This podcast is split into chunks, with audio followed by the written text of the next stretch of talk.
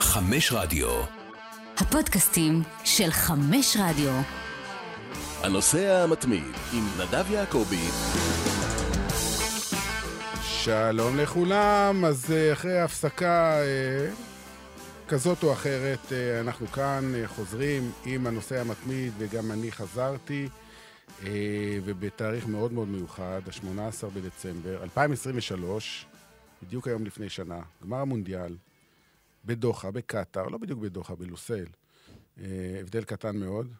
אה, שלום ארי אוזן, שלום נדב. היינו ביחד בגמר. אכן, אכן, זה זכרו, ו- יום בלתי נשכח. בכלל, ו- חודש בלתי נשכח. כן, יכול להיות שתכף אנחנו ניכנס לזה, והזיכרונות צפים והגוגל מציף לך כל, מיני- כל יום את התמונות מחדש.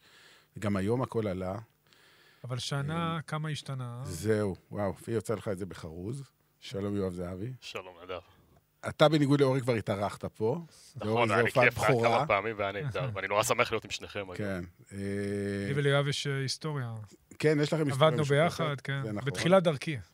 אמ, אנחנו נדבר היום על, על גמר המונדיאל, אה, גם על המשחק עצמו, שהיה מטורף, אה, גם על לאו מסי, שהוא הסיפור הגדול של הדבר הזה, אה, אבל גם על קטאר, בטח היום, לאור כל מה שקורה לנו מאז השביעי באוקטובר.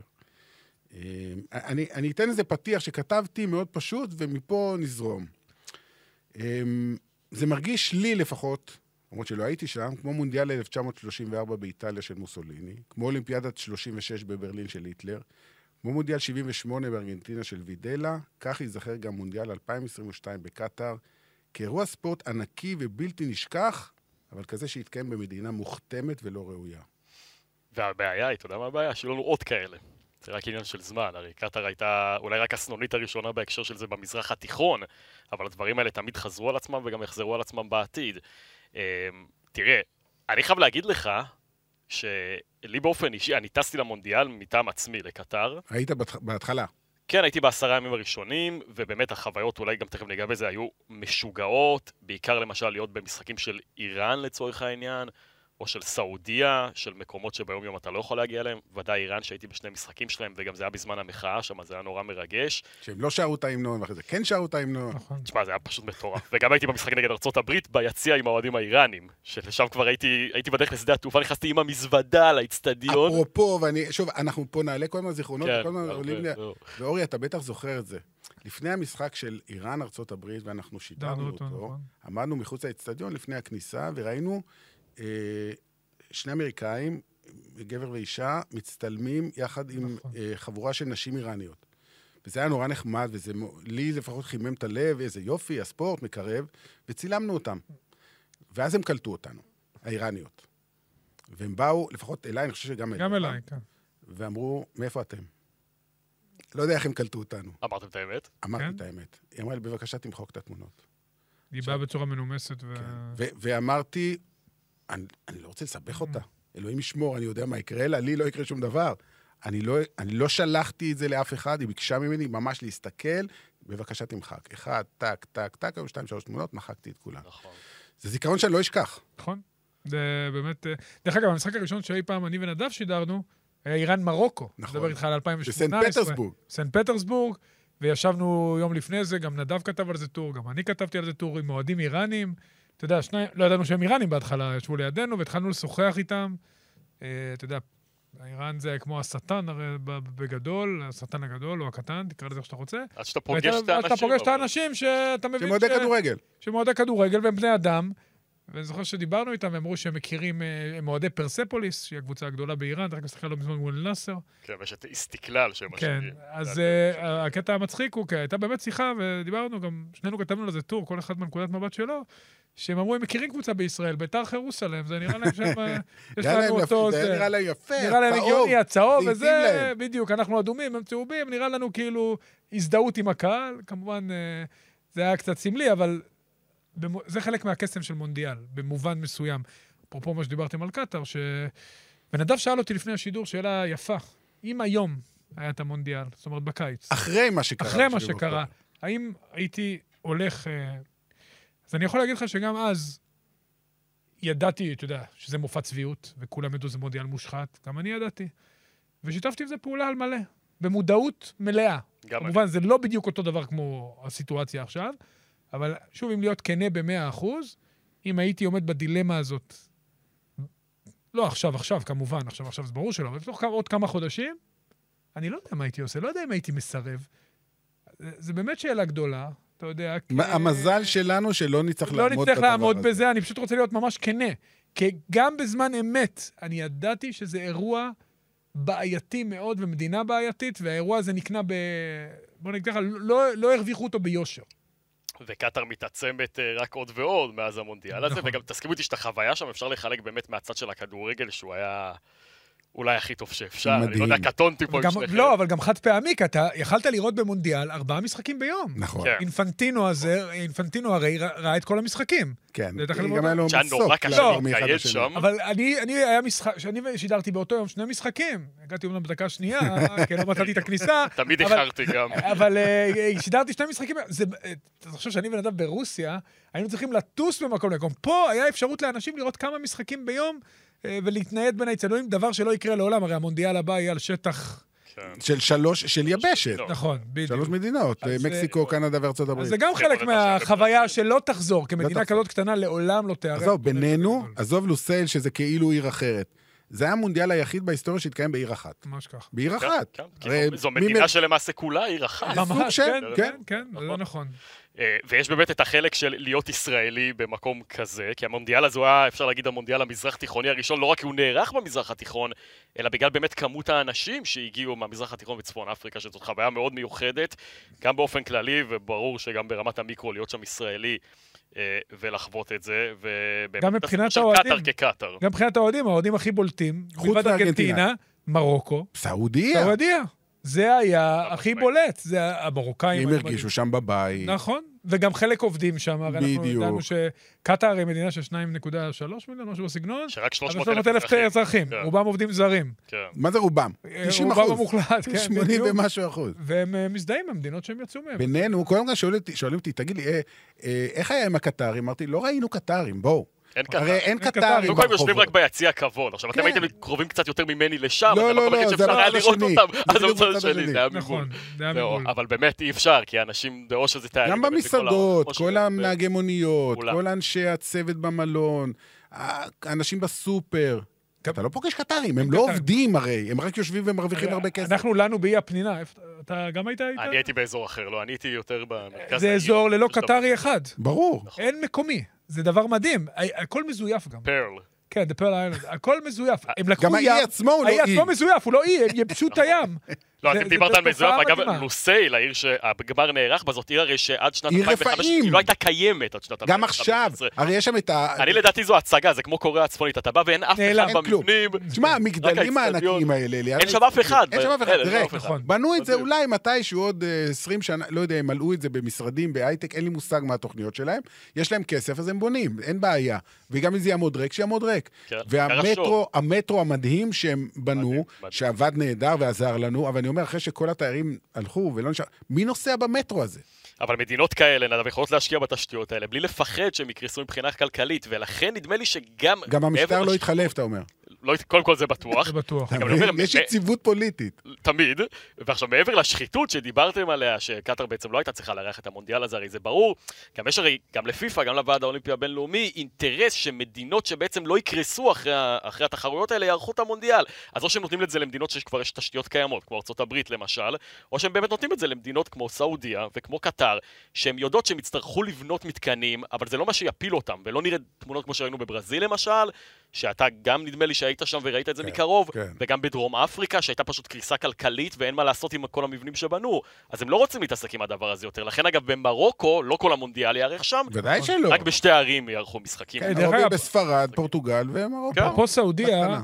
עכשיו היא מארחת את אה, אליפות העולם. מארחים לקבוצות. הכל עכשיו. עכשיו הכל, אבל ספציפית ממש נכון, עכשיו, נכון. מארחים את אליפות העולם לקבוצות. זאת במתכונת המצומצמת. אה, נכון, אבל ההבדל הוא שאתה, היה את המשחק בין אל איתיחד, ל- זה הפעם האחרונה שם במתכונת הזאת, אם נדב ירצה הוא יפרט, והיה לא משחק עכשיו. בין אל איתיחד לאל עלי, אל עלי המצרית, שהיא הקבוצה הכי גדולה בעולם הערבי, כן. אתה יודע את זה נראה לי קצת יותר טוב ממני גם כן, עוד לא הייתי במשחק שלהם, אבל אחד אולי. אווירה תקשיב, נדב, כמו במשחקים הכי גדולים, אתלטיקו ריאל, כן. דרבי זה, כן, מנצ'סטר ליברפול, כן, מה שאתה רוצה. אווירה מטורפת. זה תקשיב, לפחות- מטורפת. בדיוק, זה- אדום וצהר, משהו חריג. לפחות, אם אנחנו מדברים, ולא לא ניכנס לזה היום יותר מדי, מסורת. אולי פעם אחת, במונדיאל של 2034 שיהיה בסעודיה, יש מסורת של כדורגל בסעודיה ויש קהל קהל. במאו- ב- במיליונים. שגם המסורת הזאת מאוד בקטר אין. מתחזקת. הרי כל הזמן. כן. בקטאר הי- היינו במשחקים של נבחרת קטאר, הנבחרת האומללה וה... ה- ה- הכי חלשה בהיסטוריה, הפסית המערכת החלשה הזאת. בהיסטוריה, כן. יותר מזה, הם ייבאו אוהדים מלבנון, זה לא נשמע כדבר הזה. הם ישבו שם ביציע, אני זוכר, מעודדים, ואמרו לנו, הם בכלל לא קטרים, זה הביא- הביאו אותם, שילמו כסף, הכל בכסף, הכל בכסף. גם האוהדים. האוהדים. שזה היה ב-2014 או 2015, אז גם אליפות העולם בכדוריד נערכה בקטר. נכון. זה היה כמו חזרה לגנרלית לקראת המונדיאל. הגמר גם היה בלוסאיל, העיר שאז בכלל לא הייתה קיימת. לדעתי היה רק את אולם הכדוריד הזה. ונבחרת קטר ב- בכדוריד, אני זוכר, גם אז עבדתי בספורט אחת, היא באמת הייתה מורכבת, לא היו שם קטרים, היו שם שניים, שלושה קטרים. כל השאר זה היה חבר'ה... שקשורים צרפתים לכסף. שהתאזרחו, לגמרי, דנים ש- לגמרי. הם אזרחים והם אותם זכו אחרי- באליפות גם לדעתי. נכון. משהו או שהפסידו שהגיעו בגמר, לא כן, משנה. הגיעו רחוק. כן, בכדורגל, אבל בכדורגל, בניגוד לאלפי ספורט אחרים, אי אפשר. אי אפשר, אתה לא יכול בלי תשתית ומסורת. עכשיו, אנחנו לפני שהגענו, אה, אתה יודע, קיבלנו, מה, אורי לוי בעיקר סיפר לנו על הפרויקט אורי של לוי, בבא ספייר, בבא גול כמובן, כן. ידידנו, איש יקר עם על המון ידע. האקדמיה. על הספייר אקדמי, עם כל השיתוף פעולה עם ברצלונה, ואתה יודע, הם זכו בגביע אסיה. והיה, והשחקן ההוא וההוא, ואני- ואני יודע, משדרים את משחק הפתיחה. אתה, וואלה, התכוננתי, הכרתי אותם כמו שהכרתי את השחקנים שלי בהפועל. נכון. כל שחקן הכרתי, אומר לך איפה הוא נדב, ואתה בא למשחק, תשמע, זה היה מביך. זה היה מביך. הם זה היה הפסידו מביך. לאקוודור, שגם היא לא מי יודע אבל מה. בקלות גם, בקלות, נדב, אתה יודע, בקלות. כאילו... זה היה מביך. זה היה מביך, לא- לא, תלושים מהאירוע. באמת, גם בהקשר הזה יש הבדל בין למשל קטאר, או השקעות שבאות מסעודיה למשל והאמירויות, כי יש אנשים שיגידו לך, אוקיי, גם מנג'סטר סיטי, אתה יודע, זאת לא הייתה הקבוצה הכי טובה באנגליה, כן, היא זכתה באליפות לפני עידן הזהב של האמירויות ושל פאפ וכולי. אבל בסופו של דבר, מה שעשה את מנג'סטר סיטי של היום, שפתאום כל הילדים בעולם אוהדים מנג'סטר סיטי, מי דיבר על מנג'סטר סיטי כשאני הייתי ילד, ואומר לך את זה אוהד ניוקאסל, Mm. כן? לא מעכשיו, מזמן, עוד לפני הסעודים. אבל קבוצה כזאת כבר הייתה לה את התשתית, היה לה את קהל האוהדים, היה לה את האקדמיה, היה לה את המסורת הזאת שהצליחה להזניק אותה קדימה. קטאר זה באמת היה סיפור אחר לגמרי. ובשנה שלפני המונדיאל, על מה דיברו בעיקר? עם כל הכבוד, ובוא נגיד את האמת. זכויות כשמדבר- אני מדבר על הביקורות. הביקורות לא היו על, על כסף אה, לחמאס או דברים כאלה, הביקורות היו על העובדים הזרים, בעיקר. גם על דברים אחרים. זכויות אדם. זכויות הלהט"ב והדברים האלה. והגרדיאן היה לו תחקיר מטורף, ולפי הגרדיאן 6,500 עובדים זרים נהרגו במהלך הבנייה. יש אגב אה, תחקירים אחרים של כל מיני ארגוני זכויות אדם שמדברים שהכמות הרבה יותר גב- גדולה, אה, 15,000, לא משנה. מ- בטוח שאלפים אלפים של נפאלים והודים ופקיסטנים, ואני לא יודע מאיפה הם באו, אנשים פשוט מתו, גם עבדו בתנאי... בחום. בתנאים איומים ונוראים, שיטת הקפה, לא- לא ניכנס לזה עכשיו. שקיימת גם לא רק שם. זה- יפה. אמ, כלומר, ה- המונדיאל הזה היה... מ, אה, הוקם, והאיצטדיונים הוקמו עם הרבה מאוד דם, עם הרבה מאוד אנשים שקיפחו את חייהם. לא, לא טרור, אבל דברים שאתה לא... זה, זה לא מקובל על... ה- זה נדב, לא מתקבל על אתה הדעת. בזמנו סיפרת על המונדיאל המפורסם בארגנטינה, 78. נכון. שגם באיצטדיון, מתחת לאיצטדיון הרי, לא, מת- לא רחוק משם. לא רחוק משם, ממש, ב- אתה יודע, במרחק קרוב היה חדרי... תאי עינויים. בדיוק. בוודאי, והוצאות לא להורג. הוצאות להורג, אז אה, פה אמנם זה לא אותו דבר, אבל עדיין, אה, כמו שאמרת, המונדיאל הזה נקנה בדם ובהרבה כסף. כ-22-24 אנשים שהצביעו בעד אירוח המונדיאל הזה הורשעו אחר כך בפלילים. בתקופה כן, זו אז או זה אחרת. בתקופת בלאטר וכן לא כן. הלאה וכן הלאה. אני רוצה רגע לתת את הצד השני, בבקשה. מותר לי? לא שאני מאמין בו, כן, אבל בואו ננסה פה לתת עוד איזה זווית. זה חשוב. הרי בסופו של דבר, אנחנו מדברים על ארגונים, למשל פיפ"א, למשל הוועד האולימפי הבינלאומי, שהם ארגונים שהם תולדה של המערב הרי בסוף. ואנחנו, בתור אנשים שחיים, אנחנו רוצים להגיד בחברה מערבית, ומאמינים בערכים כאלה ואחרים שהם שונים, לפחות... דמוקרטיים. כאן, כן, שונים מהערכים בוודאי. הללו. אז א- אני בא ואומר, ה- האם בעצם אם אנחנו אומרים שזה אירוע גלובלי, האם אין זכות למדינות נוספות לארח את, האירוע, את האירועים האלה? הרי גם סין שאירחה את האולימפיאדה ב-2008, היה עליה עליהום מסוים, הוא לא היה גדול כמו העליהום על קטאר, צריך להגיד את זה. נכון. הוא היה קטן, נכון, אלף אלפי הבדלות נכון. מהעליהום על קטאר, והזיזו שם מיליוני בני אדם על מנת לבנות את אבל התשתיות. לא הרגו אותם לפחות. לא, אנחנו לא יודעים הכל מה קרה שם, אנחנו יודעים אולי שזו מישהו מדינה נפל ש... מאיזה גג, אבל אתה יודע. כן, אנחנו יודעים שזו מדינה שמוציאים בה הרבה מאוד אנשים להורג, נדמה לי שהם ראשונים בדירוג העולמי של הוצאות להורג, גם חיים שם הרבה מאוד אנשים, כן, צריך להגיד. אז השאלה אם אנחנו רוצים באמת שהעולם ככה יהיה מאוחד, והאירוע הזה היא חגיגה של זהו, אחדות. אז אז זהו. מה, אז רק למדינות לא, שכאילו סבבה, לא, עומדות בתקנה אבל אם מותר זה היה לארח? סעודיה, במקום קטאר. מדינה, מדינה כן מאוד עם קהל. בעייתית, מאוד לא, בעייתית. לא, אני מדבר על... ה- לפ- הבעיה עם קטאר היא לא הייתה רק שהיא קטנה ושמזיזו את המונדיאל לחורף וכל כך גם הרבה דברים. בסעודיה זה יהיה בחורף, תראה. נכון, לא, זה ברור. ת- אבל תתרגל. לפחות, אבל לפחות יש מסורת, יש משהו שקשור לכדורגל. נכון. זה יש נכון. משהו אמיתי. נבחרת סעודיה הופיעה במונדיאלים, נכון. עשתה דברים חד יפים. נכון? יש משהו עוד... אני רוצה להגיד אותנטי. אותנטי קל. בואו לא נשכח את מי הם ניצחו במשחק הראשון. נכון, נכון, זה משחק שבעצם, אה, אתה יודע, אולי הכתיב את פני המונדיאל. ה- לא. גם שם הייתי, זה היה היית מדהים. מדהים, במשחק מדהים, הזה? מדהים, לא. כן. היה מטורף לחלוטין. אז זה, זה מה שאני אומר, לפחות סעו... אתה היית... ב- פה, כמו שנדב סיפר, הם קנו אוהדים. אין, בכדורגל... הכל הם קונים. בדיוק. הכל הם וזה- קונים. וזה... חוץ מדבר אחד, הכל אפשר לקנות. אה, הביטלס אה, כתבו כן ביי מילאב, אוקיי? אז עזבו אהבה. ערכים. ערכים אתה לא יכול לקנות ומסורת, ערכים. ומסורת, או שיש לך מסורת. ומסורת, או שיש לך או שאין לך, ואין להם את זה. נכון. אז הם קנו את הכל וקנו, ואורי גם יום אחד, אנחנו היינו שם חודש, ויום אחד אורי אומר, תשמע, בוא, אנחנו חייבים ללכת, יש איזה מלון שנמצאים שם כל אה, ראשי נכון, היינו. פיפה וכל כן. הזה, ו... וואי, אמרתי, מלון בהתחלה, מדהים. עזוב, לא מעניין אותי, אבל בסוף זה הוא היה שכנע אותי. המבנה הזה ש... כן, כן, כן, כן. בדיוק. אה, כמו... ואז הוא שכנע אותי, יו. ולקחנו מונית, והגענו לשם, ונכנסנו. זה אה, מה- המערה של אלאדין. זה, זה משהו מטורף. זה כאילו, ולא ראינו כלום ממה שבאמת יש שם. ומי היו שם? כל המושחתי העולם היו שם. על חשבון הברון, במלון הכי מפואר בעולם, אה, למעלה בקומה 30, אה, נכון, אמ- אסור בקטאר, אין אלכוהול, אמרו לנו, יש שם בר מטורף עם כל סוגי האלכוהול שראית בחיים שלך. אז הכל שקר. הכל שקר, אבל מצד שני, אני חייב להגיד לכם, נדב ואורי, שאנחנו רואים את פיפ"א, וכולנו יודעים שזה ארגון מושחת, ויש הרבה אנטגוניזם כלפי פיפ"א, ורבים כמוני שנסעו על טעם עצמם לקטאר גם, אתה יודע, הם במאבק מאוד גדול עד היום, בדיסוננס פנימי, למה עשיתי את זה, זה כן היה נכון, זה לא היה נכון. אבל בסוף לא קם אף אחד, או לא קם איזשהו גוף גדול ואמר, אנחנו לא רוצים את הפיפ"א הזה יותר, הדבר הזה עדיין קורה. אין מספיק אומץ, או אין מספיק אה, אה, אחדות, או כי הכסף גדול מדי. בדיוק, בוא נגיד בדיוק, את וזה האמת. מנצח. הכסף גדול מדי, ממשיך ואנשים לא לנצח. רוצים לוותר עליו, והם יכולים לקבל, ו... שמע, אנחנו, אין לנו שום הוכחות, אבל ברור לכולנו, מזוודות הכסף היו לא רק אה, לכיוון רק לעזה, עזה, היו כן. מזוודות כסף גם במקומות זה היה אחרים. דו-סטרי, כן. זה ברור לנו לחלוטין, בלי שיש לנו הוכחות.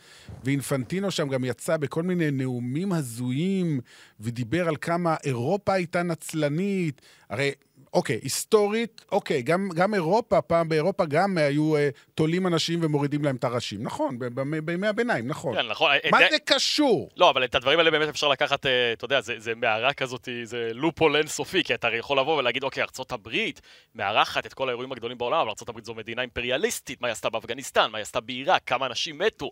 ארצות הברית הייתה זו שהתערבה בהפיכה שהייתה באיראן בשנות החמישים, ומי יודע אם הייתה מהפכה אסלאמית בכלל, אם לא הייתה ארצות הברית. אתה יודע, בסוף אין כולם... לזה סוף. כולם רעים באיזשהו מקום. אבל השאלה זה באיזה פרספקטיבה אתה מסתכל על זה. אני חושב שהייתה סוג של תמימות דעים, ודאי בעולם המערבי, שהמונדיאל בקטאר הוא היה מונדיאל בעייתי. מצד שני, אני כן חושב, שוב, אתם יודעים באיזה צד אני, אבל אני כן חושב שעצם זה שהיו שם כל כך הרבה אוהדים מהמזרח התיכון, זה היה משהו... זה כנראה יישוב בסעודיה, אבל זה באמת היה משהו יוצא דופן, אה, תקדימי בהקשר הזה לדעתי. נכון. אה, ובתור ישראלי, לראות את זה, היו גם חוויות מאוד לא נעימות בהקשר הזה, אולי גם ניגע בהם, לראות את זה מהצד, זה היה משהו מאוד מאוד יפה, וזה היה נראה כאילו נתת את המונדיאל, הנגשת את המונדיאל, יותר נכון, לאנשים שלא היו יכולים לצפות במונדיאל אם הוא היה נערך במקום אחר.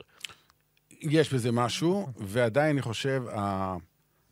בזיכרון הקולקטיבי, בואו נג... אם נ- ניפגש כאן עוד עשר שנים, נסתכל אחורה, אז כמו שאמרתי קודם, המונדיאל של 34 של מוסוליני, האולימפיאדה של אה, היטלר, 36. המונדיאל של 78, והמונדיאל הזה יהיו פחות או יותר בצד השלילי חד של משמעית. ההיסטוריה. אני גם חושב. ככה נראה לי. אה, הצד החיובי זה הכדורגל, תשמע, גם זהו. במונדיאל של 78 היו משחקים אדירים. מה זה קשור? זה שני דברים שונים לגמרי. מי- מי- מי- המארחת, ואיך היא מארחת, ולמה היא, ואיך היא הגיעה לזה, ומה עומד מאחוריה, והמשטר, ובצד שני הכדורגל, אז בואו ניגע עכשיו באמת, כדורגל והסיפור. והסיפור. אז- אז אורי, היינו במונדיאל ברוסיה ביחד, שהתחלנו שם את דרכנו, המשותפת במונדיאלים ודברים אחרים גם, והמשחק הגדול ביותר ששידרנו שם היה ארגנטינה. ארגנטינה-צרפת. By far. רק שאז זה נגמר בניצחון. 4-3. ארבע כן, שנים. ואז בקטן. אני זוכר, כולנו זוכרים שבסוף המשחק אמרנו, כולנו, היה תמימות דעים מוחלטת, שזה היה טקס העברת השרביט. לגמרי. הם בפה הצעיר, עוד לא בן 20, שנה, דצמבר 98, אה, יליד דצמבר 98, פשוט ששרף את המגרש. זו הייתה הצגה מדהימה, היו רגעים, הקהל הארגנטינאי אחרי השער של דימריה הרעיד את המגרש, ואז השער אה, של מרקדו, השתיים אחת, פגע בו ונכנס. פגע ונכנס, והיה באמת שמח, ואתה יודע, וצרפת לא מביאה קהל, נכון. גם פג בחנוך. נכון. גם אז, נכון. זה לא הפריע להם קטאר או רוסיה,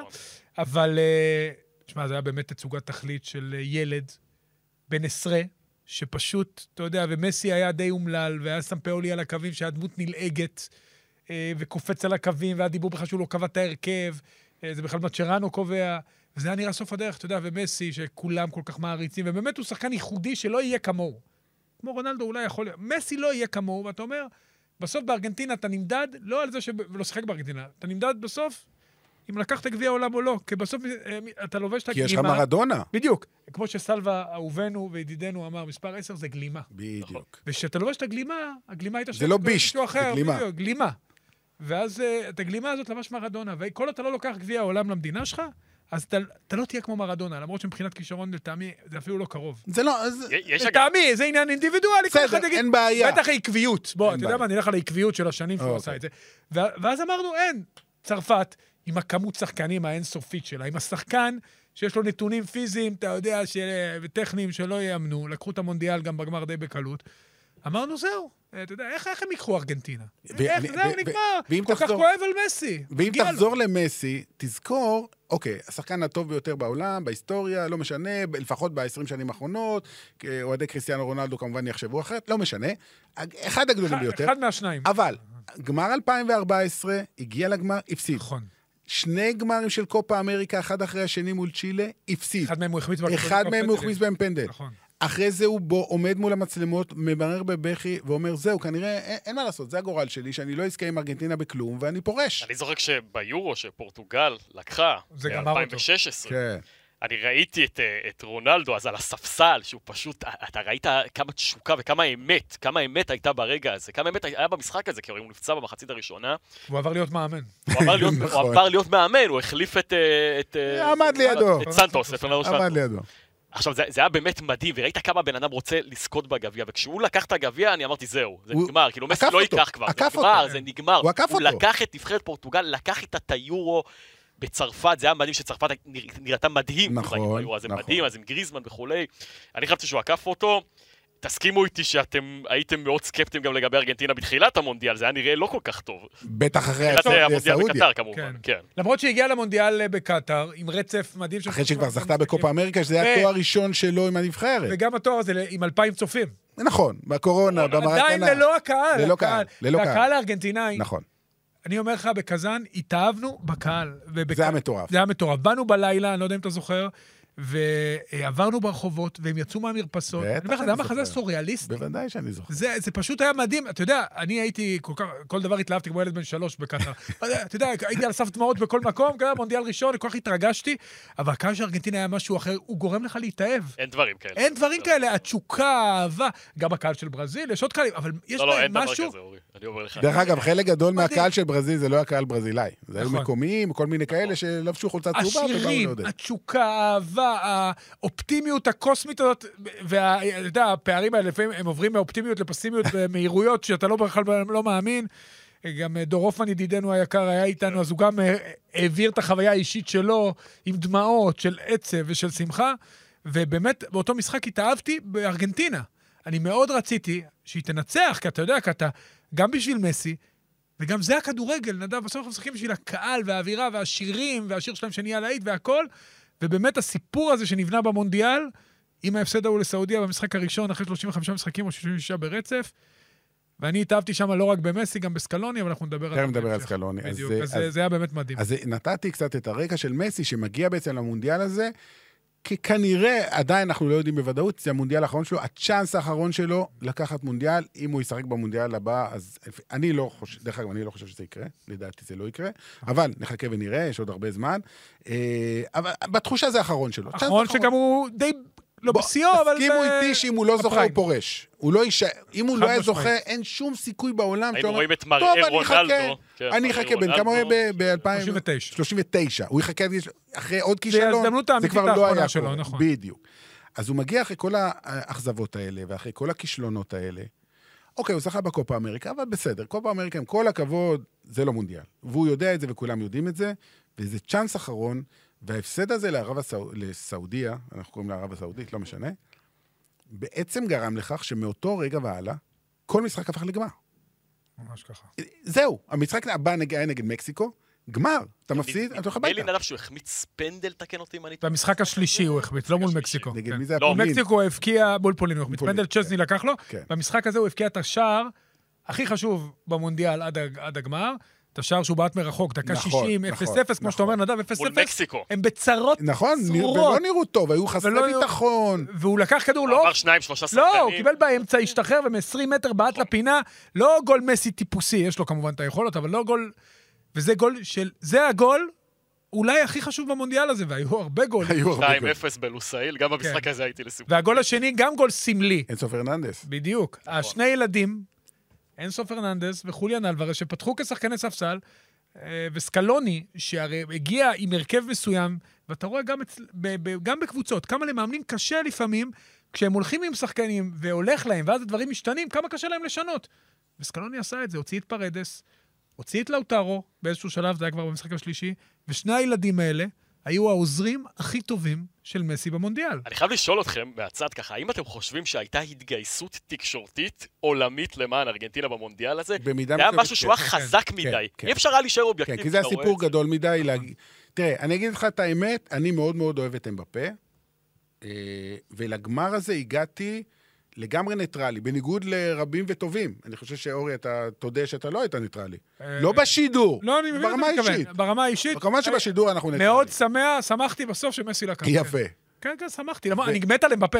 לא, יש לא. אנשים שלא אוהבים אותו. כן. אה, אני מאוד מאוד אוהב אותו. אני חושב שהוא שחקן מטורף. אבל מטורף. גם מעבר אבל- לזה, אבל יש אז- פה משהו קילר. אבל הוא יש כבר פה- לקח. לא, לא, בסדר, אוקיי, בסדר. אז מה? גם פלא לקח פעם ורצה עוד. אמרתי, אבל אנרגיות צרפת טובות. זה לא הסיפור של לא הסיפור. ארגנטינה, הוא לא היה נכון, סיפור אבל- ארגנטינה אבל- במונדיאל הזה. בדיוק. אבל... בדיוק. זה לא רק מסי. אתה רצינו צודק. אה, את הסיפור. אתה צודק, היה פה סיפור שהיה גדול יותר מכל דבר אחר, ולכן אגב, הרבה אנשים טוענים שפיפ"א עזרה כדי שהסיפור הזה אכן יתקיים. הרבה עם כל פנדלים. מיני החלטות השריקות. שיפוט כאלה ואחרות. יש, עד היום, גם בצרפת וגם במקומות אחרים, האוסטרלים וכן הלאה, וההולנדים, גם ונחל אמר כמה דברים, שהשיפוט, אה, קצת, גם בגמר עצמו, בוא נגיד, נכון. הפנדל, לא בטוח שהיה, קולי, הראשון. דימריה, כן, זה דימריה. לא בטוח שהיה. כאן כן. אבל מצד שני, צלח. צרפת קיבלה שני פנדלים, אז בוא. לא, אבל... אה, השני, ש- השני, שהגיעו, אם היה, לא? הגיעו, ברור אוקיי, שהגיעו. עזוב, נו, אני לא אוהב זה כבר תיאוריות לא משנה. קונספירציה. אני מסכים אני איתך. חושב שגם המשחק הזה, או יותר נכון, החל מהדקה ה-79, קיבלנו פשוט את כל מה שאפשר לבקש בעולם במשחק כדורגל, אני- מה אני- שלעולם לא אני יהיה. כתבתי את זה, אני כתבתי את זה. אז אני אתה- אומר, עם כל הקטע של השיפוט, כן. אתה יודע, אתה- אני לא- אני חושב שארגנטינה זכתה בזה fair and square. מסכים לגמרי. Fair and square. מסכים זה לגמרי. נורא- זה נורא מעניין, כי כשאתם בעצם הייתם בלוסאיל במשחק הגמר, ובעצם חוויתם את זה מקרוב עם הקהל ועם כל מה שקורה מסביב, אני הייתי בבונוס איירס וצפיתי וואו. במשחק הזה, אה, באחד הברים שם, בשכונת... אה, היה מישהו פלרמו, שאני- ברחוב או שזה היה... אז זהו, אז יש פה דיסוננס מאוד גדול, כי את, זה- אתם זה- חוויתם זה אווירה, מוקדם בבוקר. זה היה ב-12 בצהריים. אה, אוקיי. כשלקראת הפתיחה הייתה ב-12 בצהריים, ויש פה דיסוננס מוחלט, כי אתם אולי חושבים בראש שלכם, וואו, היית בבונוס איירס, והיה שם את המשחק, וזה, זה היה טירוף. לא, אין אנשים ברחוב, הייתי בבר עם כמה אנשים, אתה לא כל כך מבין שאתה אשכרה עכשיו נמצא בארגנטינה, במדינה שאולי תכף תזכה במונדיאל, הרחובות, יום כיפור על מלא, יום כיפור על מלא, אין אנשים נכון. כולם ברחוב. בבית? רואים בבית? או בברים, קצת אנשים בברים, או... אה, לא קצת, לא, יש אנשים בברים, אבל אתה ברחוב, אין אנשים בכלל. לא עשו אה, הקרנות כאלה ברחוב. היו, היו הקרנות. הקרנות? אני הלכתי בהתחלה, רציתי בהתחלה לסקר את זה ממקום שהייתה הקרנה מאוד גדולה, אבל אז הגעתי לשם ולא הייתה קליטה, ואמרתי, אוקיי, אני צריך לשדר כן, ל- לכאן 11, אז אם אני כן. אשאר פה אני זה אהיה לא בבעיה. אז מצאתי איזשהו אה, בר וישבתי שם, עם כמה חבר'ה שהכרתי במקום. אה, זו הייתה חוויה מאוד שונה, זה היה אחר ממה שחשבתי שיקרה. אבל כמובן שמה שקרה אחרי זה הוא, הוא לא, זה משהו שלא חשבתי, לא תיארתי שקרה לעצמי, זה גם ברחובות. הפנטזיות הכי גדולות שלי, לא, לא תיארתי לעצמי שיש דבר, באופן כללי, שיש בעולם דבר שנראה כמו הדבר הזה. מטורף. זה פשוט היה י- אירוע... אוקיי. יש את הקטעי וידאו האלה, שמה קורה בשריקת הסיום, שאנשים מתחילים לזרום לרחובות, זה מתחיל באיזה שניים, שלושה, ואחרי זה עוד, ובסוף זה היו, כל המדינה הייתה ברח- ברחוב. זה אירוע שאי אפשר, אני זוכר שהלכתי שם וניסיתי לצלם את עצמי סלפי ולדבר קצת על מה שאני מרגיש ומה שקורה. ובאמת, אין לי, זה קלישאה, אבל אין לי שום דרך לתאר את זה, ולמרות שהייתי שם, אני לא יודע להגיד לכם בכלל מה הרגשתי. זה, זה נראה פשוט סוריאליסטי, אתה רואה דבר, זה מיליונים של אנשים, כל מיליונים. הכבישים והגשרים, והם משוגעים, זה, זה עם מדהים, הם מטפסים מדהימים, על אתה רק כל רוצה דבר לחבק שאפשר ולנשק לטפס את עליו. כולם, זה אנשים מדהימים, אתה רק רוצה, אתה רק רוצה שיהיה להם טוב לאנשים האלה.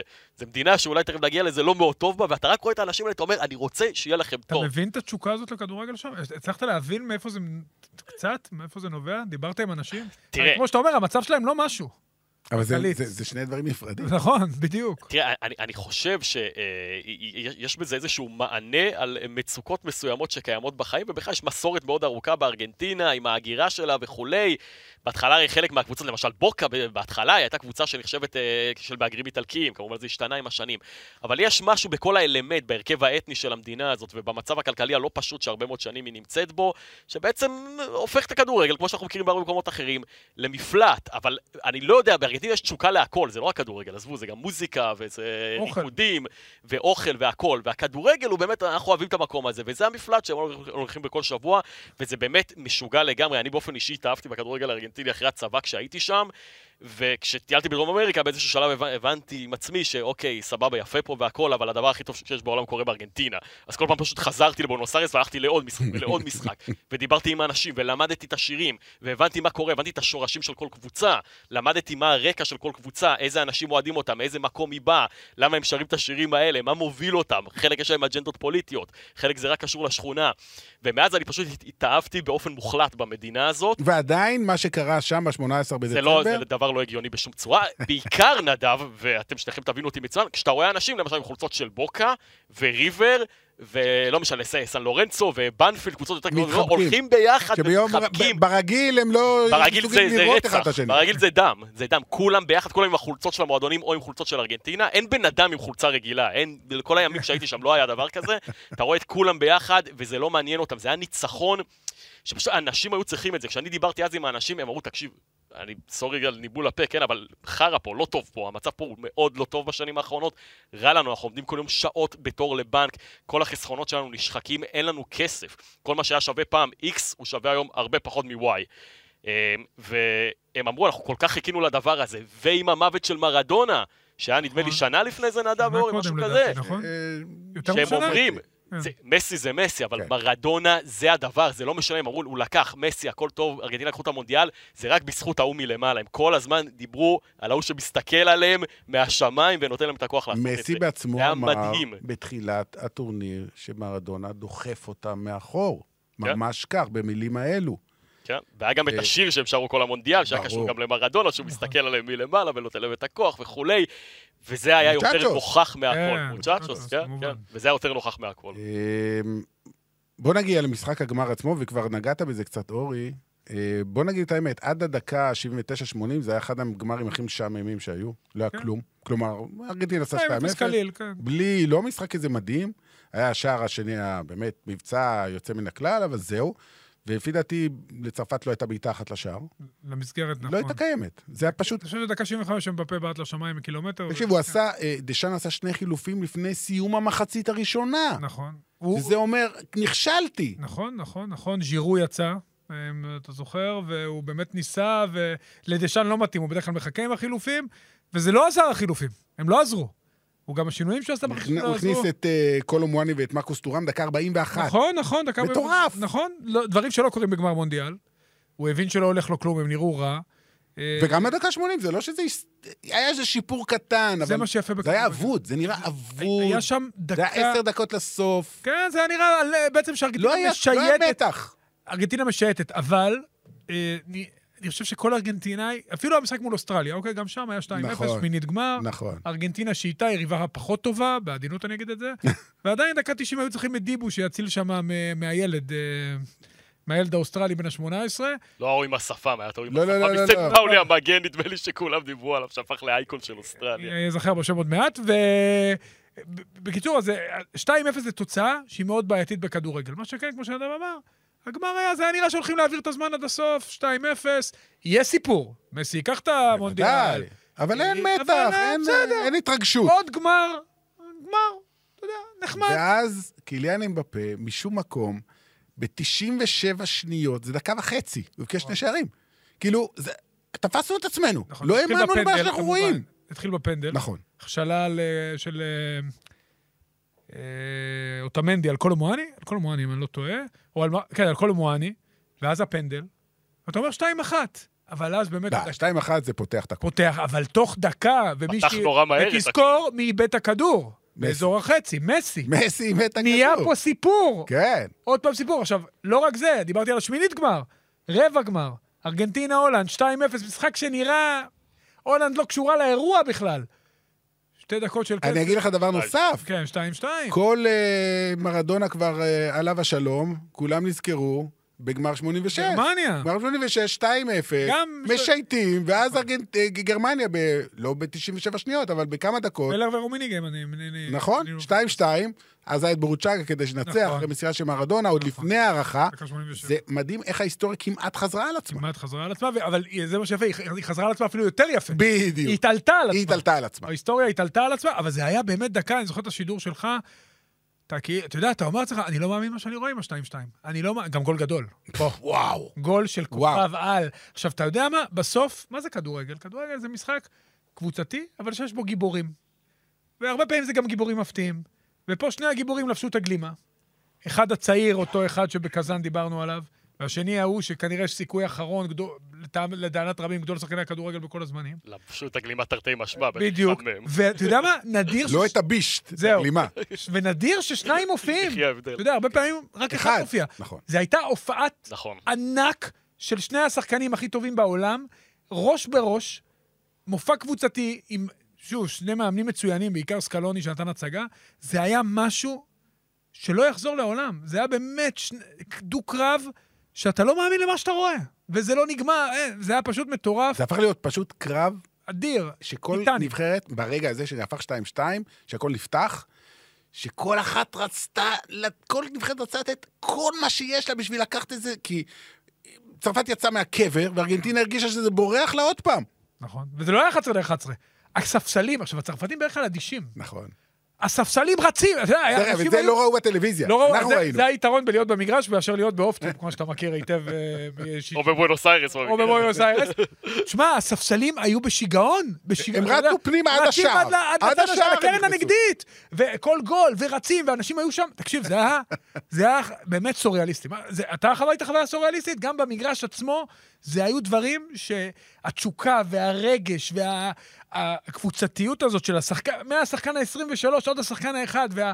רצון של כולם להצליח, זה היה משהו, אני אומר לך, אני מדבר על זה, יש לי צמרמורת. אתם זה היה- אומרים זה את זה באמת- ואני מקנא בכם, ואז גם הייתה את ההערכה, ובהערכה... רגע, שאתם רגע, רגע. מקנאים רגע, בכם, אני עוד יותר נחכה מקנא להערכה. בכם. ואז ההערכה, קודם כל יש איזה ש- כמה דקות, קצת אוויר. לנשום. וואו, מה ראינו פה, ומה עוד מצפה לנו? ואז דקה 108, ואני חייב להגיד, כאילו, זה היה אחד השערים הכי מוזרים, אני גם קראתי היום באחד הכתבות, יש הרבה כתבות, זה אחד השערים הכי מכוערים שמסי הבקיע בקריירה שלו. זה אפילו, הוא- זה היה אבל גם- דרדלה, נכון. הכדור אפילו לא נכנס לרשת, בקושי הוא עבר את הקו, זה הכוונה היה מין עם דגל דחיקה גם. כזאת, והביא דגל, והאמת שלקח לי כמה שניות להבין, גם היה לי. נבדל, לא היה נבדל. נכון. הלכו לשופט, רצו לשופט, מסי חגג פעם אחת, עצר, הסתכל. היה איזה בלבול של כמה שניות שלא היה ברור. זה, זה גול לקחת גמר מונדיאל, זה, זה, זה, זה מכוער, אבל את מי זה מעניין? נכון. כן, אבל... אה, כש- ואחר כך היה עוד אירוע, שאתה עוד פעם, אתה אתה יודע, זה לא נגמר, אתה אומר 3-2, וכבר זה לא... ואז הגיע הפנדל, הפנדל, מכלום, נכון. אתה יודע, מכלום גם בעיטה. גם 118. נכון. 18. וזה, אתה מבין, אתה כל פעם חושב שאתה בפיק, רגע, רגע, רגע, בדקה 118 הם בפה. הוא היה קילר במשחק קילר הזה לגמרי. ברמות מטורפות. מטורף. שלושר! ואני אני- נדמה לי שאני אמרתי כבר שלושר אז, וגמר מאז מונדיאל. ג'ף כן. ארס, נכון. ג'ף ארסט היחיד שהבקיע שלושה בגמר. זאת אומרת, אתה מתחיל להסתכל, ותוך כדי רו- רצות לך בראש שארבע שנים היסטוריות. לפני, הצמד... מה זה 66? חבר'ה, זה היה לא, לפני אחד הוא שיש- הבקיע בגמר. אחד בגמר ההוא, 66, זה כמעט 60 שנה אחורה, לא קרה דבר כזה. בגמר האגדי. ההוא. והוא, הוא בן- נדב, הוא בן 23 היה באותו כן. גמר, יום למחרת מלאו לו 24, או יומיים למחרת אה, מלאו לו 24, וזה שער ה-12 שלו במונדיאלים. ויש לו עוד שלושה מונדיאלים לפחות. וקלוזה כבר... לא, הוא אה, עובר אותו מעבר בפ- לפ- אם הוא בפעם בריא, הוא עובר הבאה הוא אותו, עובר כן. אותו. כשאתה מעבר- משווה באמת גם את אמבפה הזה של 2022 לג'ף ארס של 66, אלו באמת שניים מהגמרים הגדולים ביותר שהיו, כשאנחנו מסתכלים על 66 ועל אנגליה, שזה שגם משהו, אתה הייתה יודע. הערכה וכן הלאה. כן, כן, שכל אוהד כדורגל. רגע, אבל מ- אבל לא איזה נגמר גאה. ב-118. בדיוק, זהו, בדיוק. בדיוק. היה כן, 121 זה היה? כן, רגע, שקולו מואני מגיע לאחד על אחד, תשמע, זה היה- בוא נגיד את האמת, זה היה כל כך מהיר, לא הספקנו, כאילו, הוא הגיע, בעט, הוא הדף אותו, התקפה נמשכה, לא הספקנו בכלל לה, לה, לעמוד על הרגע הזה, אבל הרגע הזה שהפך להיות אייקוני, אייקוני היסטורי, ותכף אני אגיד כמה דברים בעניין הזה, אה, הציל בעצם את ארגנטינה מ- מהפסד, ומעבר לזה שזו ה- כנראה ההצלה הגדולה בהיסטוריה של הכדורגל, אמ, דיברו על גורדון בנקס. סליחה, זה יותר טוב, גדול, כמה- זה יותר אחת גדול בגמר, מגורדון אבל בנקס, להשוות, ברור. גם שזה גמר היה וגם באותו דקה משחק ב-66, 121, הכל וגם מתחבר. זה חורץ את גורל המונדיאל, הכל היה שם ביחד. אה, וקולומואני הוא שחקן בסדר גמור, הוא לא כוכב ענק, אבל הוא שחקן בסדר גמור, הוא משחק בפריס סן ג'רמן. אני משדר את פריס סן ג'רמן. כל משחק שאני משדר אותו, ואם הוא מחמיץ, אז אני חייב להתייחס להחמצה ההיא. וזה ירדוף אותו עד יומו האחרון. אלא אם כן הוא יבקיע בגמר הבא. ואז- ודרך אגב, הוא היה מצוין במשחק. בוודאי. היה אדיר, גם הוא וגם מרקוס טורם, הבן של, שאבא שלו כבר לקח. דרך אגב, אני לא יודע אם שמתם לב, אבל לפני כמה... אני כבר לא זוכר מתי זה היה לי.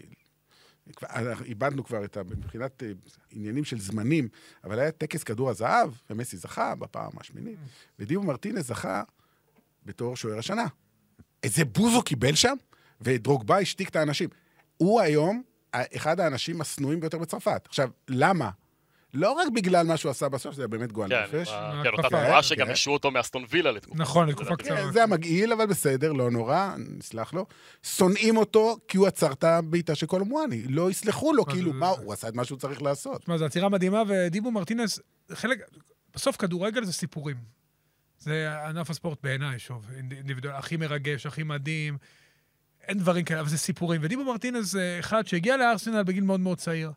עד גיל 26 הוא היה שוער או טיפה בליגות נמוכות או שוער שני. ארגנטינה הייתה לה בעיית שוערים. רומרו היה שוער שלה הרבה שנים, שוער בינוני במקרה הטוב. ופתאום הוא צץ משום מקום. כן.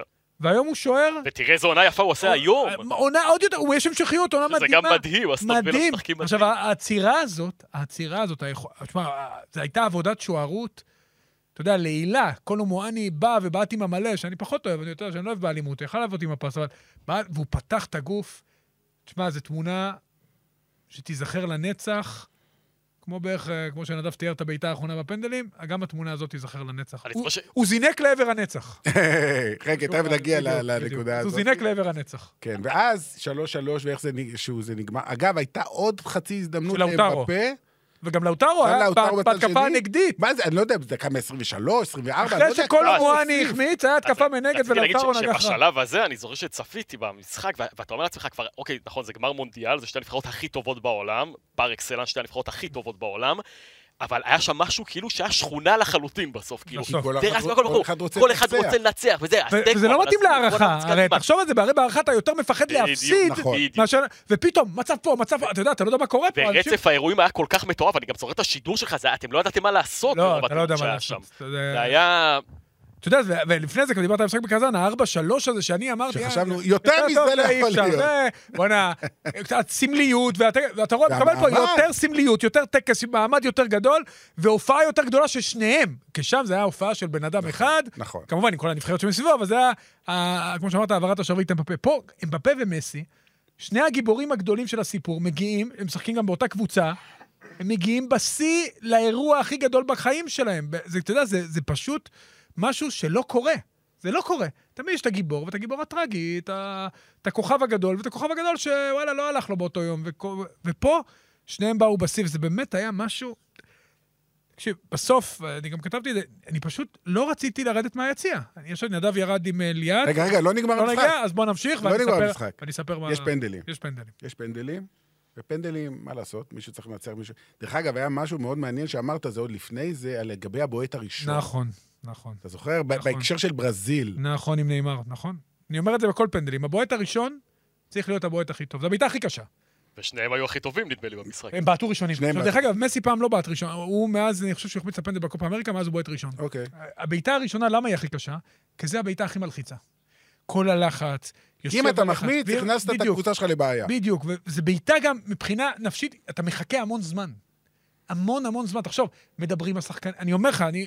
אני היית זוכר- שם. זוכר שהייתי ב- במעמד קצת פחות חשוב. לא, כי ה- לא, היית שם בפנדלים. חצי גמר לא, גביע הטוטו, זה היה קצת פחות יאללה, חשוב. עדיין, מה? אותו דבר, מה, אותו לי זה דבר. נראה כמו לא? עולם ומלואו. אין הבדל. אמ, אבל אה, עכשיו אני מדבר ברצינות, אתה יודע שאתה, אתה בעצם מסמן את הדרך, כולם רוצים לבעוט חמישי, למה אתה רוצה לבעוט ולרוץ? יש, אני הפקעתי... זה מי שרוצה את התהילה. אבל מי שרוצה להנהיג, בועט את הבעיטה הראשונה ומוליך את הדרך. ואני הייתי בטוח דווקא שאמבפה לא יעשה את זה. אני מסי כן ידעתי, כי הוא עשה את זה במקרים הקודמים. אמבפה, הוא גם, גם חשוד, שכ- סוג של נאמר נקרא לזה, אוקיי? כן. הלך לבעוט ראשון. שניהם קיבלו את האחריות. שניהם קיבלו את ה... הראשונה. קיבלו, אמרו, אנחנו מראים לכולם את הדרך, וזה היה מאוד מאוד יפה. בטח שאתה יודע, גם כשיושב לך בבעיטות, טיבו הרי העלה אותם מול הולנד לגמר. זה יושב לך. אתה יודע שאם הוא הולך לפינה שלך, אתה בבעיה. אוגו לא רישור פנדלים פחות טוב. אבל זה היה מאוד יפה, שגם אמבפה וגם מסי, אמבפה עם רביעייה במשחק הזה, ומסי כן. עם הבקיעות השלישי שלו. ויפה שהם הלכו ראשונים, אקט מנהיגותי מרשים מאוד של שניהם. אמ, אמבפה בעט ראשון, ספג ראשון, אותה שניהם, ראשונה, כן, כן. מסי עשה את האחת-אחת, ואז קינגסלי קומן החמיץ, ואגב, היה דיבורים, ושינו את החוקה בקשר לשוערים שמפריעים לבועטי פנדלים וכן הלאה וכן הלאה. הוא עשה הרבה עניינים, אה, דיבור, אינס. כן. אה, דיבאלה, אתה יודע, זה שחקנים שבקושי שיחקו, שבקושי דיבלה נתנו נכנס להם. דקה 119, לא, דקה לא, 110, בדקה, נכנס אבל- למאוד מאוחר. אה, דיבאלה כמעט ולא היה לא היה פקטור פקטור במונדיאל. במונדיאל וואלה, הזה. דקה 121 נכנס למשחק. נכון. ניסו ו-21, כנראה בגלל הפנדל. כן, כן, כן, הכניסו... לא להאמין. כן. אה, ואז גם צ'ואמני מחמיץ, וזהו. כבר הבנו שזה יהיה, רק זה עניין של זמן. אה, פרדס עם השלישי. אגב, פרדס היה הראשון שחיבק את מסי בסוף, אם אתם זוכרים את החיבוק. כולם רצו, הוא היחיד הוא שעשה... היחיד שהסתובב אליו, כן. אה, קולומואני כן הבקיע פעם, נכון. ואז הגיע הרגע הזה. גונסלו מונטיאל יבעט לעבר הנצח. גונסלו מונטיאל! ארגנטינה אלופת העולם!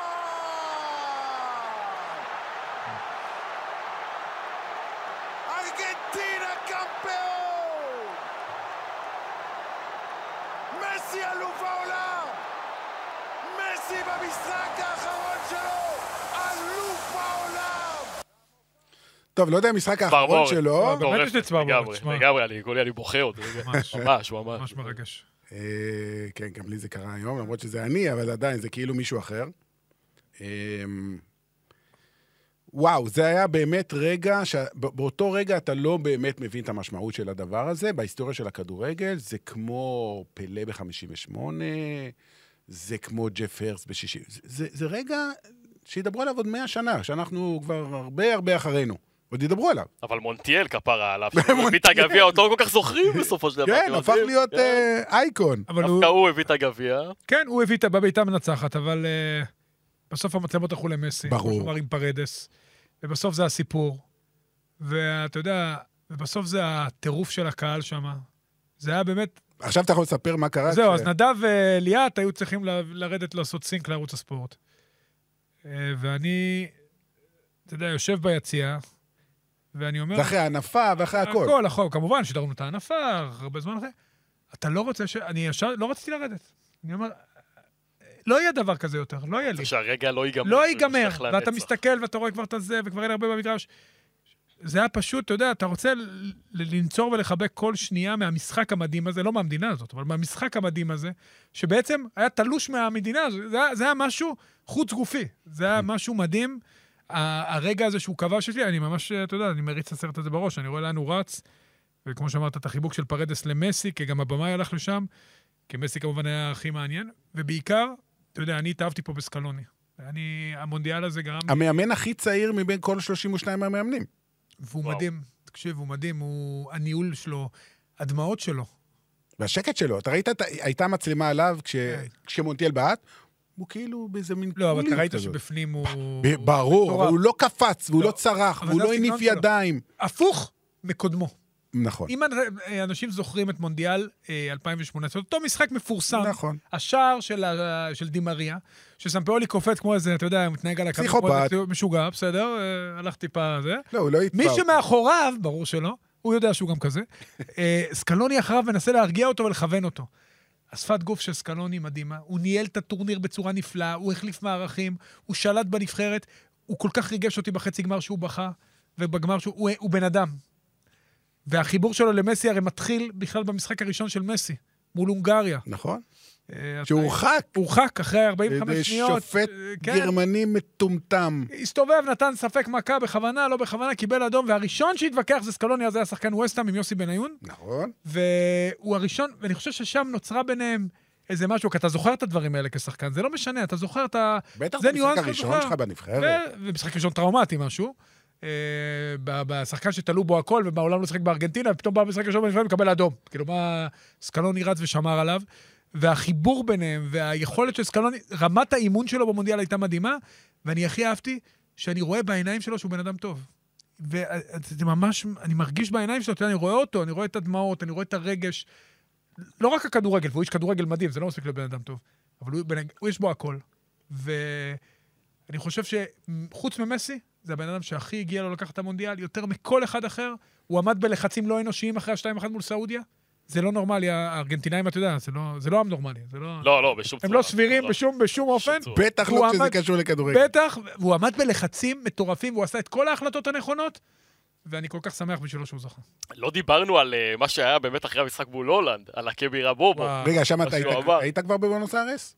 שם הייתי, לא, שם עוד לא הייתי בבואנוס אתה ברוסריו. אבל הגעתי בשלב מסוים לרוסריו, והכתובת הזאת, אגב, היא הייתה בשכונה שמסי נולד בה, קבירה בובו, זה הפך להיות סיסמה של האוהדים בארגנטינה, היה נסעת גרפיטי של לבית זה. של- הייתי בבית של מסי ברוסריו יום אחרי הגמר, נסעתי לעשות כתבה עליו, ודיברתי עם נדב שם אז, אה, עליתי אצל- כן, לשידור אצל כן, נדב, זוכר את ה- מהרחובות של אה, רוסריו, וגם שם הייתה חוויה מאוד אה, משונה, אולי אפשר להגיד. אה, הוא גר- הוא נולד ברחוב מדינת ישראל, כמו שאתם כמו יודעים. שכולם יודעים. כן, כן, זהו, אז אה, בשכונה באמת... אסטדו אה, להירעל. אסטדו להירעל, כן, בשכונה מאוד לא נעימה להסתובב בה, אני הסתובבתי שם כל היום לבד. אה, הייתה חוויה מאוד מעניינת, פגשתי איזה בחור צרפתי שכתב גם ספר על מסי, שהגיע לשם בפעם השלושים לדעתי לבית שלו, כמובן שהם לא גרים שם עכשיו.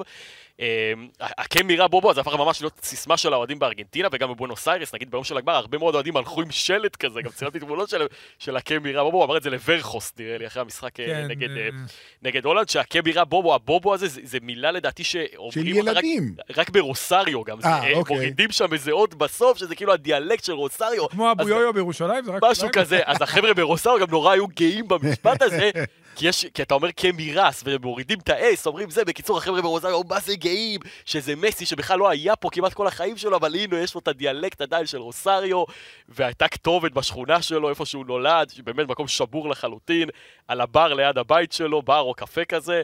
ההורים אה, שלו עדיין גרים שם? ההורים שלו גרים ברוסריו, אבל לא בשכונה הזאת, לא, לא. כן. לא. בוא סתם. נגיד ככה, יש להם כל כך הרבה בתים, הם לא יודעים איפה הם גרים. כן, אבל הם עדיין בארגנטינה. יש להם, אל ת... חצי רוסריו של... איך ב- בהגשש? חצי פתח תקווה שלו, זה חצי אז זה רוסריו שלו. כזה, כן, ועכשיו, רוסריו ספציפית, גם זאת עיר מאוד מעניינת מכמה בחינות, זו עיר שיש בה הרבה מאוד פשע היום, לא משנה, אבל כשהגעתי לשם כבר, כאילו, אמרתי לעצמי, אוקיי, אתה בא יום אחרי גמר מונדיאל לרוסריו, הבית של מסי.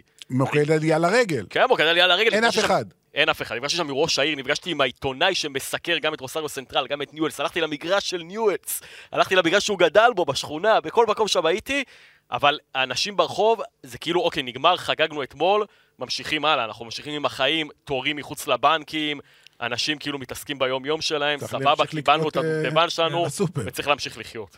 מדהים. וזה היה מאוד אה, משונה לראות את זה דווקא יום אחרי הרגע הבאמת מטורף הזה, וגם אחרי מה שקרה בבואנוס איירס יום לפני. לגבי מסי עצמו, אה, דרך אגב, אה, בפברואר אמור אה, לצאת, ה- אה, לצ- אמורה לצאת הסדרה של אפל TV, שצילמה את מסי במהלך המונדיאל, כאילו, סדרה על מסי, אה, הוא- ארבעה פרקים, כן. אגב, ג- גם ניידות השידור שם, זה קטע באמת מדהים, הייתה מצלמה, מצלמת אייזו, שצילמה רק את מסי לכל אורך, מהרגע שהוא מגיע לזה, כבר הרבה שנים יש לדברים האלה, אבל במונדיאל הזה זה באמת היה מטורף, מהרגע שהבן אדם מוריד את כמות- הרגל מהאוטובוס, כמות ה- המצלמות והזוויות שהיו במשחקים ובעיקר בגמר, זה מטורף. אני, אה, את התקופה, אחרי שחזרנו, כמעט כל יום הייתי, אה, ב- בלי עבודה קשה, כן? היו קופצים לי דברים בפייסבוק, בטיק טוק, בכל מיני מקומות, באינסטגרם, עולים לי ס- סרטונים. הייתה לנו קבוצה, כל יום, היה- וכבר היה נמאס להם. כל יום הייתי מעלה דבר חדש. במשך, אני חושב, איזה שלושה חודשים. כל יום היה דבר חדש שלא ראיתי מעולם. כן, לא היה שם זה רגל מדהים. שלא נקלט. דרך אגב, היום מסי העלה באינסטגרם שלו אה, תמונה חדשה שלא פורסמה עדיין, שלא מחזיק את הגביע, רואים את האצטדיון המוזב הזה מאחוריו, אה, ולפי מה שהבנתי, יש תמונות חדשות שהוא עומד לפרסם, או שהוא כבר פרסם. אה, עוד דבר, שרק שתבינו את ה- את הטירוף, אה, היה פוסט שהוא העלה בעצמו ב- ביום הגמר.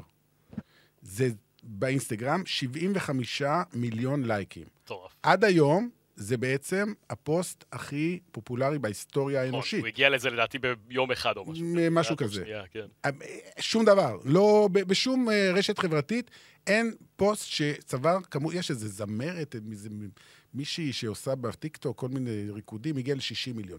ל-75 מיליון לא הגיע אף אחד. אבל חוץ כן, זה חלק מהטיקטוק מהסיפור, נדב, וזה למה המשחק הזה זה הדבר הכי מטורלל בעולם, ואני חולה כדורגל, אני חולה. אבל אני, את מה שאני אוהב זה את המסביב של הכדורגל, כי זה, זה, זה אומרים, זה דת, זה דת, אני לא, זה לא דת, זה דרך חיים הדבר הזה. ומי שהולך בדרך אחרת, זו פילוסופיה. להיות אוהד של המשחק הזה זה פילוסופיה, והסיפור הזה של מסי, אתה יודע, תמיד יש את הסיפורים האלה, אבל באמת גדל במגרש הזה, הקטנצ'יק, ה- עם ה... אתה יודע, זה ח- מגרש חול ברוסריו. ואתה יודע, וה, והפוסט הזה עם 75 מיליון, והגביע בקטאר, כאילו, מאיפה הוא זה- הגיע זה ולאן הוא הגיע. פשוט מטורף, פשוט מטורף. עכשיו שים לב, ומה זה עושה לאנשים, לעשרות מיליונים, מאות מיליונים מאות מיליונים, מיליארדים. מה זה עושה? בגמר צפו על פי פיפ"א, מיליארד וחצי איש בשידור ישיר, לפי דעתי זה יותר, כי זה גם, אתה יודע, לא כולל... צפיות כל מיני- משותפות. כן. בדיוק. אתה יודע מה זה מיליארד וחצי? אין כוח כזה בעולם, וגם כוח של דתות כן. תראה, אנחנו- לא כל כך את- גדול כמו הכוח אנחנו של לא זה, היינו- כי יש פחות אנשים שמאמינים בדתות השונות מאשר בדבר הזה. מסכים. אנחנו לא היינו בארץ ביום הגמר, אנחנו היינו שנינו ב- באצטדיון, אתה היית בבואנוס איירס. אבל ממה שאנחנו שמענו מאנשים שהיו כאן, אה, המשחק התחיל בארץ בשעה חמש, משהו כזה, כן, אחרי זה הצהריים. מחמש דעתי, כן. בשעה שלוש התחילה נהירה, איילון היה מפוצץ. בארבע וחצי, בחמש, לא אגיד יום כיפור, בוא נ... אבל לא היו, לא הייתה תנועה ברחובות. כאילו, כולם נסעו הביתה ביום הזה מוקדם, כי זה התחיל מוקדם יחסית, כדי להיות בבתים, היה טירוף. שלחו לי היום אה, צילומים מהצפייה המשותפת באיזשהו, באיזושהי כיכר בירושלים. ממש רגע ההנפה, וכולם צועקים, מסי, מ... זה היה... אז בוא- לא, אז בוא- מסי זכה במונדיאל, אז לא בוא- ארגנטינה זכתה. אז בוא נחבר אותך לתקופה.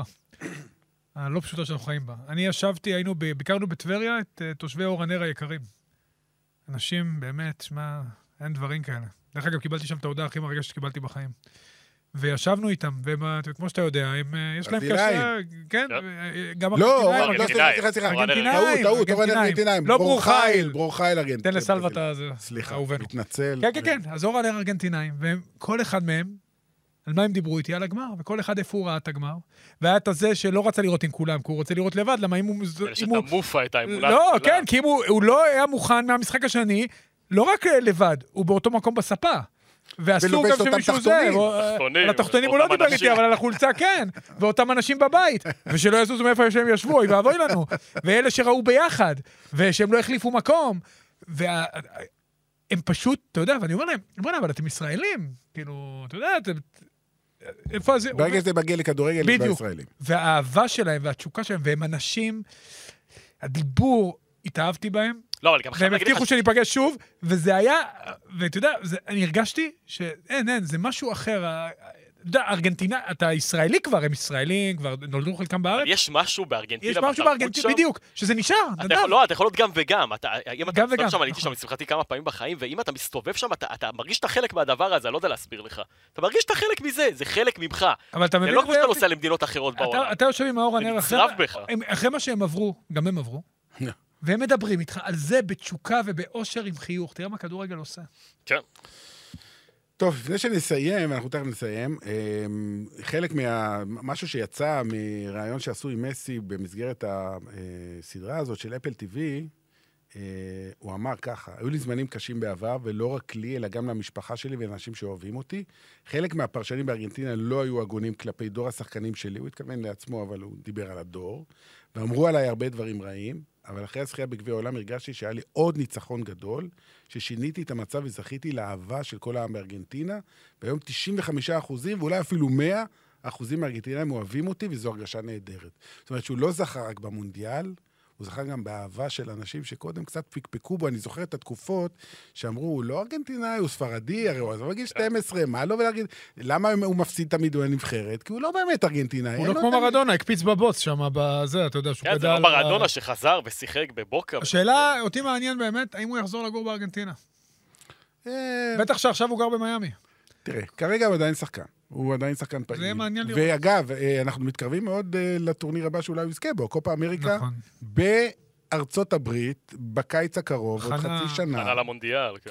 כן, אה, זה טורניר חשוב, אתם יודעים, זה- זה אליפות... הוא כבר- הוא כבר הפסיד בארצות הברית. אה, אם אתה זה זוכר. נכון, איך זה מתבא- נכון. אני חושב שבארצות כן, הברית... כן, כן, אנחנו כן, מול נגד צ'ילה, בוודאי. כן, כן. היה ש- קופה אחרי קופה, זה הקופה נכון, סנטנריו, נכון. אה, שנה מאה אחרי שנה לזה. פעמיים רצוף הפסידו. נכון, ו- ו- ודרך אגב, זה קופה אמריקה מורחב, כי זה 16 נבחרות, לא רק דרום אמריקה, גם מרכז אמריקה ישחקו שם, ככה שזה יהיה טורניר קצת יותר אה, גדול מבחינתו. אה, ושוב, המונדיאל זה רק בעוד, אה, כמה? יש לנו עוד שלוש שנים. כן, יש לנו שתיים זמן. וחצי. 26.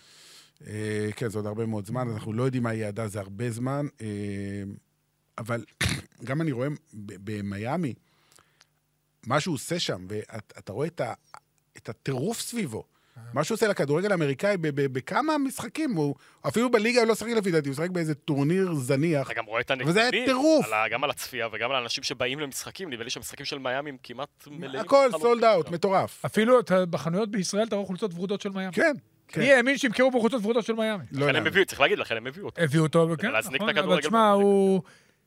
הוא באמת תופעה, תשמע, ה- האיש הזה, הרי הוא...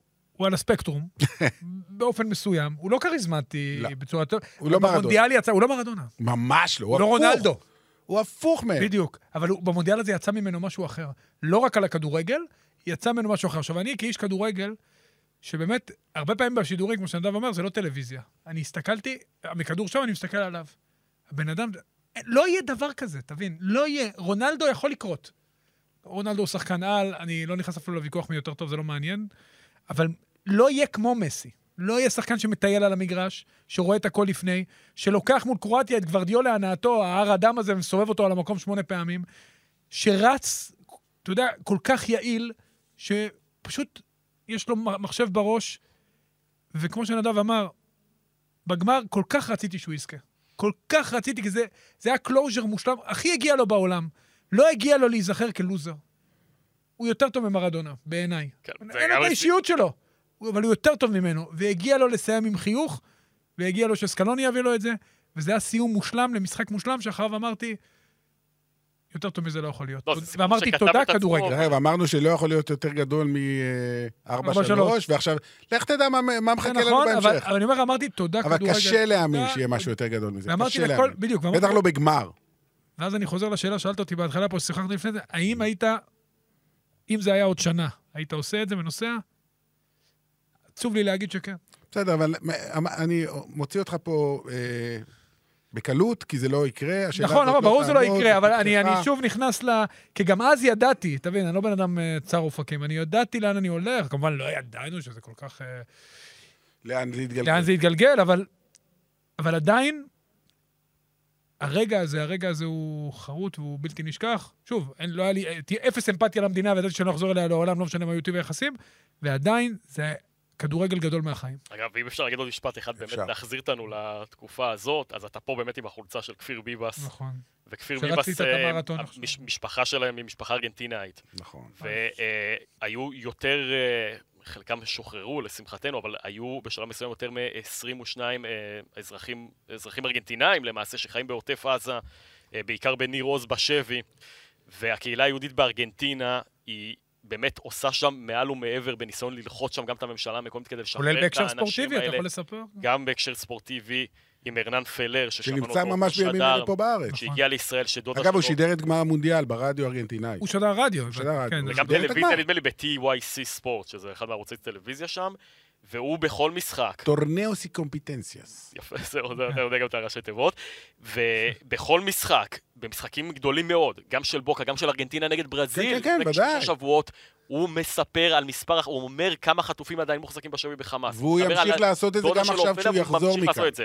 אופליה שוחררה, דודה שלו, נכון. שבאמת עשה הכל, הכל, ובאמת ריגש מאוד. הוא יחד עם הקהילה היהודית שם, הם פשוט עושים קמפיין מטורף, לא כל כך מדברים על זה, כי אנחנו באמת עסוקים במה שקורה כאן, אבל בואנוס איירס, יש שם תערוכות, ושמו שם לא מזמן באובליסקו, איפה שהאוהדים של ארגנטינה חגגו את הגמר, המקום הזה הפך להיות ממש אה, סוג של אנדרטה לזכר ההרוגים בעזה, וגם אה, אה, מין אה, קמפיין כזה אה, להחזיר את הילדים שנמצאים עכשיו.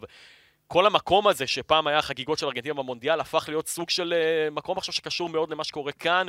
אה, הרבה מאוד שלטים גם במטרו שם וכולי, הם עושים קמפיין מדהים, ואתה יודע, זה גם איכשהו מתקשר למונדיאל הזה. ואנחנו אגב, כמובן יש מקווים תוכנית, שזה ייגמר אה, איכשהו אני... כמה שיותר טוב. אני בספק אם, אה, היא ת- אם היא תתממש, אבל יש לפחות תוכנית שנבחרת ארגנטינה תגיע לכאן לישראל למשחק ידידות אה, לפני הקופה אמריקה. במצב הנוכחי זה לא יקרה. לא נראה לי שזה יקרה, הם ימצאו, ימצאו איזה תירוץ כזה. כבר היה לנו כזה. בלאגן, מה לא מה, לנו, היה קודם כל, להם בלאגן. ארגנטינה אהבה לבוא לפה בתקופת מרדונה לפני זה? מונדיאלים. בלי אותו סוף. 7-2 ו-2-1. לפני כל מונדיאל הם באו לפה. כן. ורצו, אתה יודע, כי אחרי, ה- לפני 86 הם באו, הלך לא רע, 7-2, בדיוק. אז באו גם ב-90 ובאו 90, נכון? ו... כן, נקווה שהם יבואו, אה, נקווה שהמצב יהיה יותר טוב. זה בדיוק, זה יותר חשוב. אם הם יבואו או לא יבואו. ונאחל למשפחה הארגנטינאית של אה, של כפיר של ביבס. כפיר ביבס שיחזרו, וגם לכל המשפחות האחרות. ואנחנו חיים בעולם מטורף, אני לא יודע איך אתה יודע איך לאכול את זה. שנה מהרגע שחשבנו ש... המונו- ה- הבלתי אה, נתפס, ופתאום אתה מוצא את עצמך בסיטואציה, אתה יודע, כל כך מוזרה, ואתה יודע, והייתי, דרך אגב, מאז אותו המונדיאל עשיתי שני מרתונים. אתה מבין? רצתי הרבה עכשיו הם מרתונים. בוולנסיה עכשיו, עכשיו הם בוולנסיה, עכשיו, והייתי עם החולצה הזאת, ואפרופו מה שאמרתי, ויתרנו תמונות, באמת, אה, הש... הציון הזה של השנה, ברגע הזה, אה, זה מראה כמה החיים הם אה, חיים עם הפכפכים. מטורפים. ולא כאילו, ואנחנו רק נתפלל כן. לטוב, ושנדבר על אירועים, על בעיטות לנצח, ולא על דברים אחרים. כן. אה, זה, בעיטות לעבר הנצח זה הרבה יותר טוב. אבל הקתרזיס הזה שאנחנו נזכרים, כן. נכון. שהיה לפני שנה, אז אנחנו מקווים, אתה יודע. כנראה, אנחנו מקווים שיהיו עוד דברים, אנחנו מאוד בטח לא מקווים. בדיוק כאלה, אבל אה, שיהיו ימים טובים יותר. כן, ונסיים עם זה שבאמת, אה, למרות שזה היה בקטאר, ולמרות שמבחינתנו זה מקום שכמו שאורי אמר, אנחנו לא נחזור לשם, אנחנו לא רוצים לחזור לשם, ויש לנו... זו מדינה מקוללת מכל כך הרבה בחינות. הרבה מאוד מסכים, בחינות. מסכים לחלוטין, וכמו ש... עם כל- כל מה שאמרתם פה היה נכון, אה, הכל שם מזויף. לדעתי הכדור- המדינה נעלמה. אחרי- אבל הכדורגל, אבל הכדורגל לא היה מזויף. הכדורגל היה נ- טהור ומופלא, והזיכרונות, אה, אנחנו ניקח אותם, לא משנה שזה יתקיים שם. מה שקרה על כר הדשא בתוך אותו מלבן ירוק, מבחינתנו זה היה השיא. נכון. והיו שם באמת כל כך הרבה משחקים גדולים, שזה... אני זוכר, אתה יודע, רק אפילו כמה משחקים של ערב הסעודית שהלכתי, שהיה סיכוי שהם יעלו לשלב הבא, באמת כנגד כל התחזיות, ולראות את הקהל שלהם, ואת ההתרגשות ואת הרצון שהדבר הזה יקרה. באמת חוויות אתה יודע, יוצאות לא, ישבתי עם דופן, מועד כל כך הרבה סעודי גם, בחינות. הפרו- זה- זה חלק מהחוויית המונדיאל, זה לשבת עם אנשים שלעולם לא תפגוש. כנראה בדיוק. בגלגול... ישבנו עם מועד סעודי, היינו בשוק, אה, אני חושב שהייתי עם טל ברמן, שוק וקיף. שוק שוק- וקיף, סוק שזה וקיף. גם- סוק שזה גם- וקיף. גם מזויף, זה לא הכל שוק, מזויף. כל זה. זה לא אמיתי, זה גם... לא- אפילו החומוס אמרתי היה לך, מזויף. אני אומר לך שהלכנו, נעלמה- נעלם הכל. וישבנו עם בחור סעודי, עם הגלימה, עם הלבנה, לא- שייח, שייח סעודי. שייח, ס- אה, נראה לי שכולם שם. ודיברנו איתו, ואמרנו שהוא מישראל, והוא כאן, ושאל אותנו, ודיברנו, והיה בסדר, אתה יודע, אתה פוגש אנשים שלעולם לא תפגוש, וזה כן. חלק מהחוויה, המונדיאל הוא... הרי זה לא הכדורגל הכי טוב, כי בסוף נבחרות זה לא הכי טוב. נכון. אנחנו לא מחפשים את הטוב. בדיוק. אנחנו עושים זה את הכי- המרגש. זה נכון. הכי מרגש, כמות הסיפורים שהיו שם. והסיפורים. אה. בדיוק. כמות הסיפורים שהיו שם היא באמת יוצאת דופן. אה, וגם שוב, גם החוויה בתור ישראלי להיות במקום הזה, לפגוש את האנשים האלה. אה, אני רק עם- בכמה מילים להגיד באופן אישי, אני- אני- אני הופתעתי מ... מ- איך להגיד את זה? אי- א- א- אני חשבתי שאני אבוא ובעצם תה- תהיה שנאה כלפיי כישראלי. בסוף מה שהרגשתי זה לא שנאה, זה פשוט אה, התעלמות. כאילו אני שקוף, אה, כאילו אני לא נכון. נמצא במקום. שוב, זה משתנה בין המדינות, יש, אפשר לדרג ככה את המדינות שאתה מרגיש בהן יותר אה, ככה אנטגוניזם, אבל באמת עם הסעודים היו כאלה שבכיף היה אפשר לדבר איתם, אני גם ישבתי איתם כמה פעמים ביציע והיה בסדר גמור, כאילו הייתה איזו הבנה הדדית, איראנים הרבה מאוד כמובן שאפשר לדבר איתם, כי איראן זו מדינה מאוד מגוונת מבחינה אתנית. דרך אגב, ותרבותית הגיעו גם וכולי. הרבה מ- מהגרים עולים. איראני, לא מאיראן. המון, המון, אגב, שהם הפעם- אנטי המשטר. לגמרי, נכון. ואת זה הרגשנו בעוד... בעוצמה מאוד חזקה, במשחק הראשון שלהם נגד אנגליה, שהם הפסידו נכון. 6-2. הם לא שרו את ההמנון. שלא שרו את ההמנון, והשחקנים גם לא שרו את ההמנון, והייתה שם מחאה, נכון. מאוד, הדבר הכי דומיננטי במשחק הזה הייתה באמת המחאה של האיראנים, שגם הרבה מאוד אנשים שהגיעו מתוך איראן לקחו חלק במחאה הזאת, אה, למרות החשש שלהם שבאמת יש שם אנשים שכנראה כן עקבו אחריהם, בכל זאת זה די קרוב, אבל היה מאוד מאוד מעניין לפגוש את האנשים האלה, אני זוכר שחבר שלי שיצאנו איתו מהמשחק, הוא קנה חולצה של איראן, הסתובבנו בסוק וקיף, התחילו לדבר איתו בפרסית, אמרנו להם אנחנו לא לא מבינים את לא השפה, אנחנו- מבינים, לא מבינים." מאיפה אנחנו בישראל, אז תמיד היה כזה את הלחיצת יד, חיבוק וחיוך, ואנחנו נפרדים ב... כן, אבל בסוף באמת יש באירוע הזה משהו שהוא מחבר, שהוא מאפשר לך לפגוש אנשים ותרבויות, שלא תהיה לך דרך אחרת לפגוש אותם בשום צורה, ובטח לא בהיקף כזה. זהו, שנה אחרי, אנחנו ככה סיכמנו, העלינו זיכרונות, אה, עוד נעשה את זה כמובן גם בעתיד, את ההיסטוריה הזאת לא נוכל ולא נרצה לשנות מבחינת כדורגל, אה, אבל דברים אחרים אולי כן. נכון. אורי אוזן, תודה רבה. בכיף, תודה שהזמנת אותי.